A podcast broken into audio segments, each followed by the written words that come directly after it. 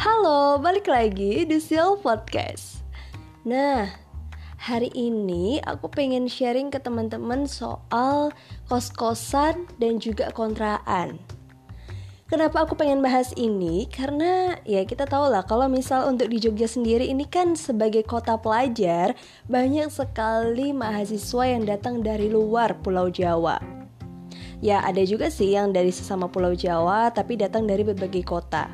Biasanya mereka itu akan mencari kos-kosan yang mungkin itu deket dengan kampus mereka atau justru mencari kontraan supaya bisa bareng-bareng dengan teman mereka. Tapi nggak cuma mahasiswa, biasanya ada juga orang-orang yang bekerja atau mungkin pasangan suami istri baru yang mereka memilih uh, untuk tidak langsung punya rumah sendiri dan akhirnya memilih untuk tinggal di kos-kosan ataupun tinggal di kontrakan. Cuma nih, kadang ada beberapa orang yang masih bingung. Nah, sebenarnya lebih enak ngekos atau enak ngontrak sih? Makanya di episode kali ini aku pengen berbagi tips lah buat teman-teman semua yang mungkin sekarang lagi bingung kira-kira mana yang harus aku pilih.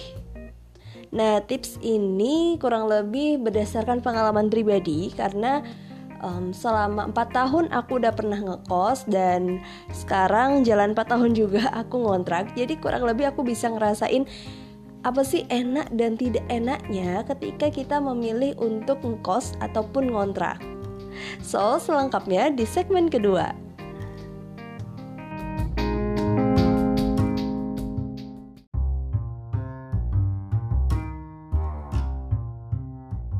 Dan kalau misalnya mau bicara soal kelebihan dan juga kekurangan, pasti antara kos-kosan ataupun kontraan itu punya nilainya masing-masing. Nah, di sini yang mau aku bahas di segmen kedua. Oke, kalau misalnya bicara tentang kos-kosan ya, jelas ya namanya kos-kosan itu tuh ibaratnya kita tinggal naruh badan aja di situ kita nggak perlu terlalu banyak mikir karena biasanya untuk berbagai urusan itu udah diurusi oleh pemilik kosnya. Nah, biasanya untuk kos-kosan itu ada yang isian, ada juga yang kosongan. Kalau untuk kos-kosan yang uh, kosongan, biasanya harganya akan lebih di bawah ketika kita memilih yang isian. Terus kalau misalnya kita memilih kos-kosan, kita nggak perlu uh, memikirkan kerusakan misalnya ya uh, airnya mati atau mungkin tiba-tiba listriknya mati untuk yang tidak menggunakan pulsa atau untuk beberapa hal yang itu memerlukan perawatan. Nah, untuk anak-anak yang memilih tinggal di kos-kosan yang kayak gitu tuh udah jadi urusan pemilik kos-kosan atau penjaga kos-kosan.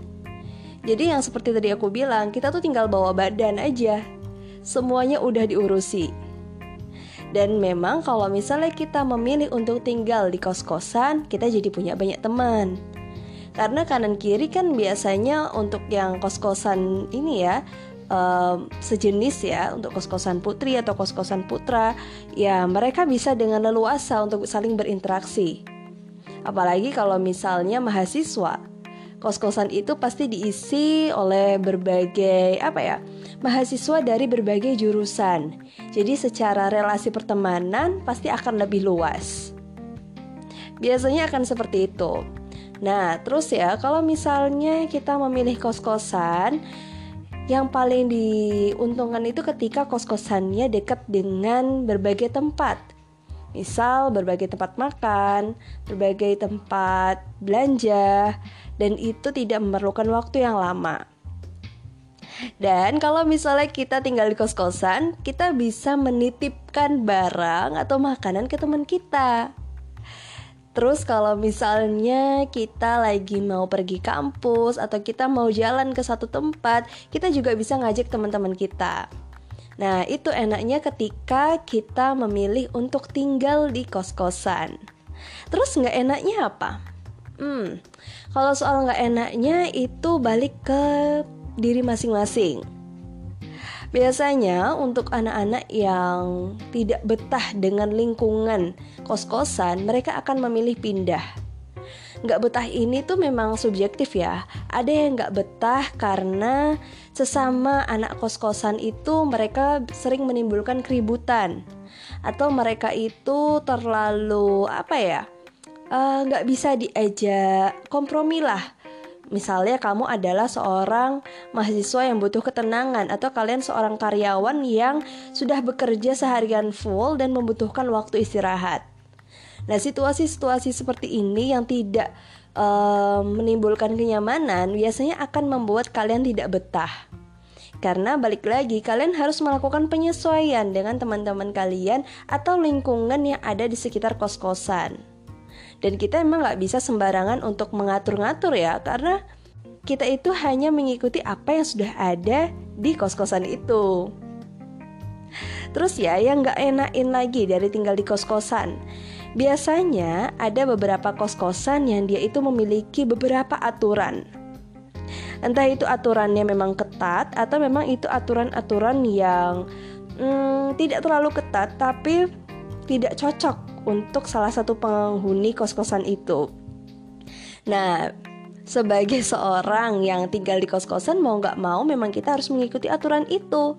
Misal ada kos-kosan yang memiliki jam malam atau ada kos-kosan yang memiliki aturan harus begini, harus begitu, nggak boleh begini, nggak boleh begitu, sehingga kita tidak bebas atau kita tidak leluasa ketika berada di kos-kosan.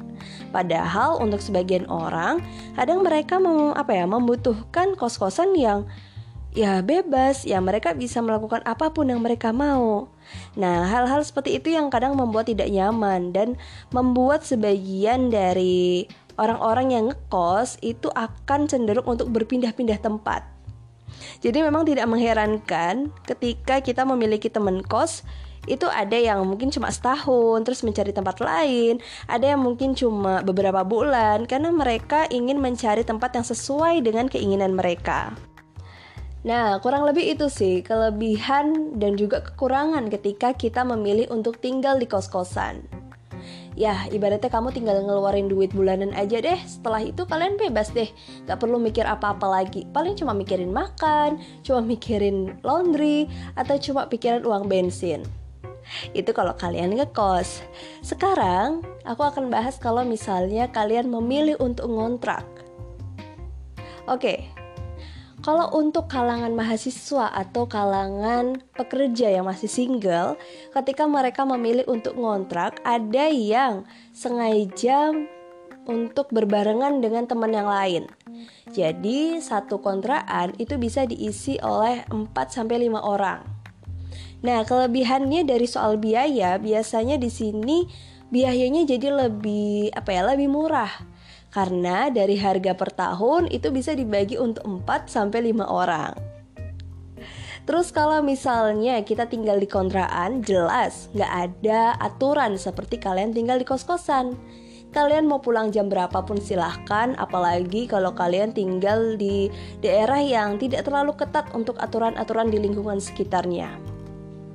Terus kalian juga bebas untuk hmm, apa ya mengajak teman-teman untuk bermain ke rumah.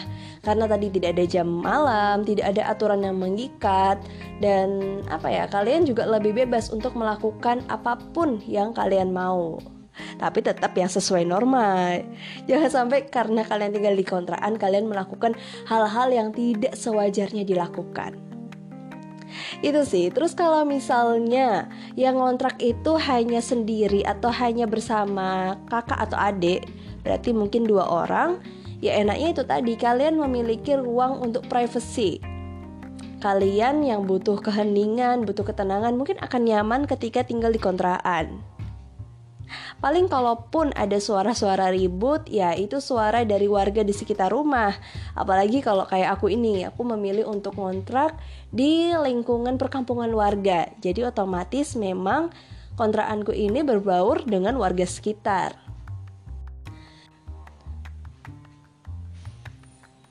Nah, itu kelebihan kalau kalian memilih tinggal di kontrakan. Tentu kalau kalian milih untuk tinggal di kontrakan, ada hal lain yang harus dipikirkan dibandingkan ketika kalian tinggal di kos-kosan. Nah, kalau kalian tinggal di kontrakan, mau nggak mau kalian harus memikirkan biaya uang listrik, uang air gitu ya, atau mungkin ketika airnya mati, ketika lampunya mati, ketika lampunya konslet, atau ada sesuatu dari apa ya elektronik-elektronik yang ada di rumah yang itu rusak, mau nggak mau ya kalian harus bisa memberesin sendiri, termasuk membereskan rumah itu sendiri karena kan ukuran kontrakan pasti lebih besar dibandingkan kalau kalian ngekos. Tapi memang kalau misalnya kalian memilih untuk ngontrak itu rame-rame sama teman, pasti bebannya juga akan sedikit berkurang. Itu pun kalau teman kalian saling mengerti satu sama lain. Karena ada loh yang misalnya mereka itu ngontrak bareng tapi ada yang nggak peduli, ada yang seenaknya sendiri, sehingga lama-kelamaan menimbulkan konflik. Oke, terus yang gak enaknya dari ngontrak apa lagi ya? Mungkin kalau kamu memilih untuk ngontrak sendiri atau dengan saudara, mungkin ada sisi sepinya karena tidak seperti ketika kalian ngekos. Dan tentunya ketika kalian memilih untuk ngontrak, nggak ada yang menjaga rumah kalian seperti saat kalian di kos-kosan. Nggak ada penjaga kos-kosan, jadi mau nggak mau kalian harus lebih berhati-hati dan bertanggung jawab ketika tinggal sendiri di rumah atau bersama teman-teman. Tetap harus memperhatikan uh, keamanan karena kalian kan yang tinggal di situ dan walaupun kalian bebas Walaupun kalian bisa melakukan apa pun, tapi kan itu adalah rumah milik orang lain yang mau nggak mau juga harus kalian jaga dan harus kalian rawat. Nah di situ sih poinnya. Yang pasti ya um, antara kelebihan dan juga kekurangan itu pasti dirasakan berbeda-beda sama setiap orang. Nah kalau dari aku nih tipsnya ketika kalian ingin memilih kontraan atau kos-kosan selain dari apa yang udah aku sebutin tadi pertimbangannya yang jelas kalian harus memilih lokasi yang itu sesuai dengan uh, kenyamanan kalian. Jangan sampai kalian asal pilih karena mau itu kalian cuma untuk istirahat, mau itu kalian cuma untuk ngerjain tugas yang namanya hunian, entah itu kos-kosan atau kontraan, jelas sangat dibutuhkan adanya kenyamanan. Terus yang jelas juga, kalian harus memilih tempat yang itu strategis entah itu mungkin strategis dengan jalan besar ataupun juga strategis dengan beberapa tempat yang bisa kalian datangi misal e, minimarket kecil atau tempat jualan sayur atau tempat kuliner karena kita kan nggak pernah tahu ya kadang kalau untuk beberapa orang agak males kalau misalnya mau masak sendiri atau agak males kalau misalnya untuk go food. Nah, dengan kalian memilih lokasi yang strategis itu akan lebih mempermudah aktivitas kalian. Dan juga misalnya kalau kalian uh, tidak memiliki kendaraan pribadi atau malas menggunakan kendaraan pribadi, carilah lokasi yang itu gampang atau mudah dijangkau sama transportasi online. Mungkin seperti itu sih tips yang bisa aku kasih untuk episode kali ini.